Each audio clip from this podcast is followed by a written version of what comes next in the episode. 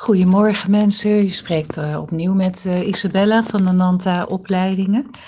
Nou, uh, wat leuk dat je weer luistert en dat je interesse hebt in deze podcast. Vandaag wil ik met jullie hebben over ademhaling. En binnen Ananta vinden we ademhaling heel erg belangrijk, omdat de impact van slecht ademen of niet goed doorademen gewoon heel erg groot is op je lichaam en ook op het verteren van je leven. Wat uh, uh, vaak gebeurt is dat we onze adem inzetten en gebruiken om dingen te controleren. Als er bijvoorbeeld veel nare gevoelens uh, zijn in je leven, en dat kan iets van vroeger zijn, van nu of en en, dan gebruik je je adem om die gevoelens letterlijk niet te willen voelen, want ze doen meestal pijn. En middels je adem zet je die gevoelens vast in je lijf. En dat gaat op de volgende manier. In plaats van dat je een gevoel voelt en je lichaam het mag uitdrukken, hè, je boosheid, je verdriet, je angst, want het gaat natuurlijk meestal over de gevoelens waar we wat van vinden, of die we lastig vinden. Ehm, maar waarvan we ook hebben geleerd dat die in de buitenwereld minder welkom zijn. Niemand zit op je boosheid te wachten. Ehm, als mensen boos zijn, lopen we daar ook liever met een grote boog omheen. Maar ook verdriet is vaak heel zwaar in de energie. En omgaan op een goede manier met verdriet is ook niet voor een ieder uh, goed gegeven. Ja. Uh, maar wat gebeurt er nou eigenlijk als je gevoel niet meer goed doorstroomt? Want vanaf onze kindertijd leren we eigenlijk om onze gevoelens te onderdrukken. Denk maar als, als je als baby, dan baby's hebben verschillende gevoelens om zichzelf uit te drukken. uh, als je lacht, dan wordt de hele wereld om je heen daar blij van. dus dan krijg je allemaal fijne gevoelens terug. Maar als je huilt, dan, ja, zeker als je vaker huilt, om wat voor reden dan ook, want baby's hebben allerlei verschillende manieren om te huilen, om iets duidelijk te maken, dan merk je ook dat je moeder dat uh, lastig vindt.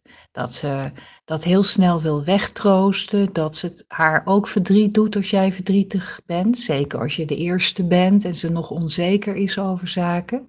Dus eigenlijk leren we vanuit de buitenwereld dat sommige gevoelens heel erg welkom zijn en andere gevoelens, daar wordt de wereld om ons heen ongemakkelijk van.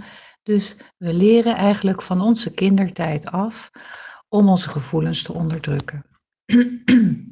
Het is heel belangrijk dat je begrip krijgt op wat de fysieke impact is uh, van het vastzetten en het controleren van je gevoelens middels je adem. Nou, dat ga ik uitleggen. Um, alle, als je gevoelens en je emoties, want emoties zijn gevoelens waar een oordeel op gekomen is, hè, zoals ik net van tevoren beschreef, uh, de wereld om je heen vindt er wat van. En een gevoel wordt een emotie als je daar een sticker op plakt. Mag niet, kan niet, uh, word ik op afgewezen, komt me nu niet uit, want ik zit op mijn werk. Uh, wat zal iedereen er wel van vinden? Nou, noem het maar. En gevoelens waar een oordeel op komt en die emoties worden, die zetten we over het algemeen vast in onze buik. En daar wachten ze totdat ze alsnog bestaansrecht krijgen, gevoeld worden en worden uitgedrukt. Nou, als die emoties worden opgeslagen dan, en onze buik op deze wijze steeds voller raakt, zal het minder makkelijk worden om nog diep in onze buik te kunnen ademhalen. En ademhaling is een van de belangrijkste bronnen van energie, want het levert zuurstof op voor ons lichaam.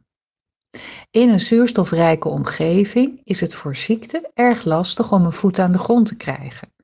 Goed ademen houdt ons dus gezond en geeft ons energie.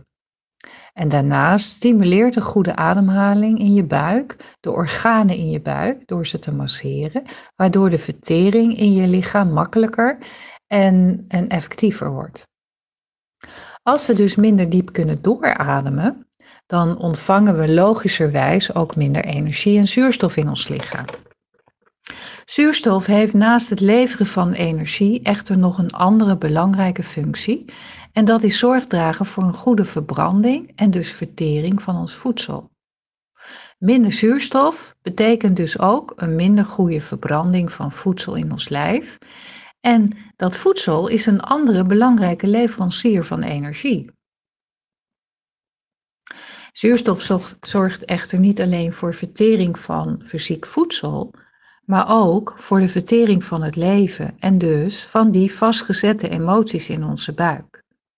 Het gevolg van minder diep ademen is dus minder energie, maar het houdt ook de vertering van emoties tegen. Het gevolg hiervan is dat die zich kunnen blijven opstapelen gedurende ons leven. En als we er niets mee doen, als we er niets mee doen en ze blijven onderdrukken. Het onderdrukken van deze emoties door ons controlemechanisme kost ons echter ook energie. En ook het onvoldoende verteren van voedsel kost energie, want het lichaam blijft zitten met die onverteerde resten die vast gaan zitten in je darmen. Of deze worden opgeslagen in andere gebieden van je leven, wat wederom een belasting is voor je lichaam en het kost energie om ze opgeslagen te houden.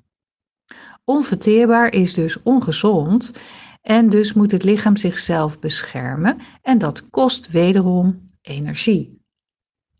En we gaan steeds hoger ademen daardoor.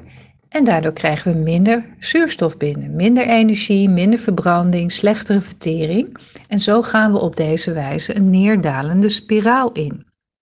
En daar komt nog bij dat de vastgezette emoties ook steeds meer tegendruk gaan geven, want ze willen eruit. Ze willen gehoord, gezien, gevoeld worden. Ze willen doorstromen.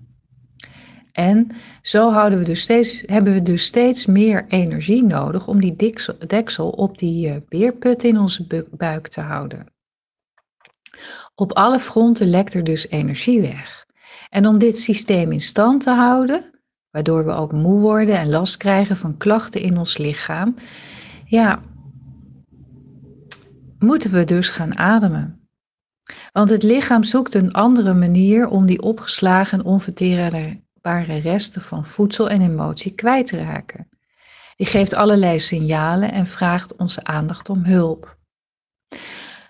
Alleen, we zijn als mensen echter geneigd om pijn of ongemak weer te onderdrukken en te negeren. En zo negeren we ook de signalen van ons lichaam. Of onderdrukken we pijn met bijvoorbeeld een aspirine. Onze emotionele pijn is heel goed eronder te houden met roken of door de verdoving van bijvoorbeeld alcohol.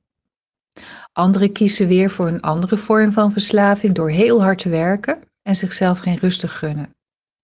Want als je tot rust komt, betekent dat ook dat je met jezelf geconfronteerd wordt. Daarnaast ook geconfronteerd worden met de weggestopte pijn, vaak letterlijk, omdat het lichaam ook pijn doet. Ook de pijn wegeten of zichzelf juist uit te hongeren en leegmaken is een manier om niet te voelen. En natuurlijk zal duidelijk worden dat het onderdrukken en te kiezen voor een vorm van verslaving ons nog meer energie kost. Als deze neerwaartse spiraal die ingezet is steeds sterker wordt geactiveerd, wordt het uiteindelijk een vicieuze cirkel die we heel moeilijk kunnen doorbreken. Als deze voor, al deze vormen van verslaving hebben als onderliggende oorzaak, en laat ik daar duidelijk in zijn, dat is mijn optiek, dat is mijn waarheid. Um, zijn een oorzaak van het hierboven beschreven mechanisme. En ik geloof er echt in dat op de lange termijn hierdoor allerlei ziektes ontstaan, maar ook een burn-out. We raken letterlijk opgebrand omdat we geen zuurstof genoeg meer tot ons nemen en naar adem snakken. Want zelfs als onze emoties eindelijk de weg naar buiten hebben gevonden, en we dus bijvoorbeeld door het lint gaan en heel erg boos worden, schrikken we daar zo van dat we onze adem van schrik weer stilzetten en dan uiteindelijk het proces stoppen en het tegenhouden. Zonder zuurstof kunnen we niet leven. En dat betekent dat onvoldoende zuurstof uiteindelijk zal leiden tot overleven en ziektes. Nou, best een pittig verhaal, mensen. En uh, dit is eigenlijk de inleiding. En wat ik wil gaan doen, is een, uh, de komende periode ook een aantal uh, ademhalingsoefeningen gewoon op de podcast te zetten, die je kan toepassen. En die je op een zachte manier kunnen uitnodigen om ja, langzaam weer een start te maken met doorademen en het verteren van al die onverwerkte emoties. En wat hierin belangrijk is, is dat als er een gevoel naar buiten komt, en een, of een emotie, dan zit er meer druk achter, dan is het van belang dat je bewust wordt van, zet ik mijn adem vast en dan adem je door. En dat is hartstikke spannend. Wat er dan gebeurt, is dat je gaat merken en gaat leren dat, ook al ben je bang voor die oceaan van tranen, dat die niet komt, maar dat je wellicht een halve minuut even moet huilen en dat het dan klaar is.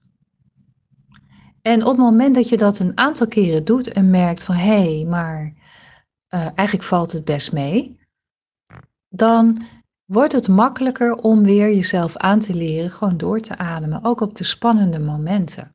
Ik noem dat herkennen. Hé, hey, er komt een gevoel. Ik ben bang, boos, verdrietig. Erkennen. En erkennen gaat over het mag er zijn. Ik mag boos zijn, want boosheid geeft eigenlijk een grens aan aan de ander. Boosheid um, is een voor andere vorm van eigenliefde. Het is genoeg.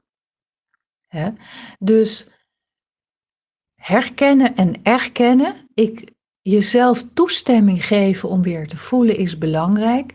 En dan is het uitdrukken. En dat betekent doorademen en dan komt het gevoel eruit. Je hoeft daar niet zoveel meer mee, want het is meestal oude meuk. En dat moment van loslaten is altijd voor je controlemechanisme spannend dan grijpt het controlemechanisme in met allerlei argumenten. En dan is het de kunst om door te ademen, door die angst heen. En op het moment dat je dat een aantal keren doet, merk je dat het steeds makkelijker wordt. Nou, ik wens jullie heel veel succes met ademen en uh, leven. tot gauw. Dag, fijne dag nog.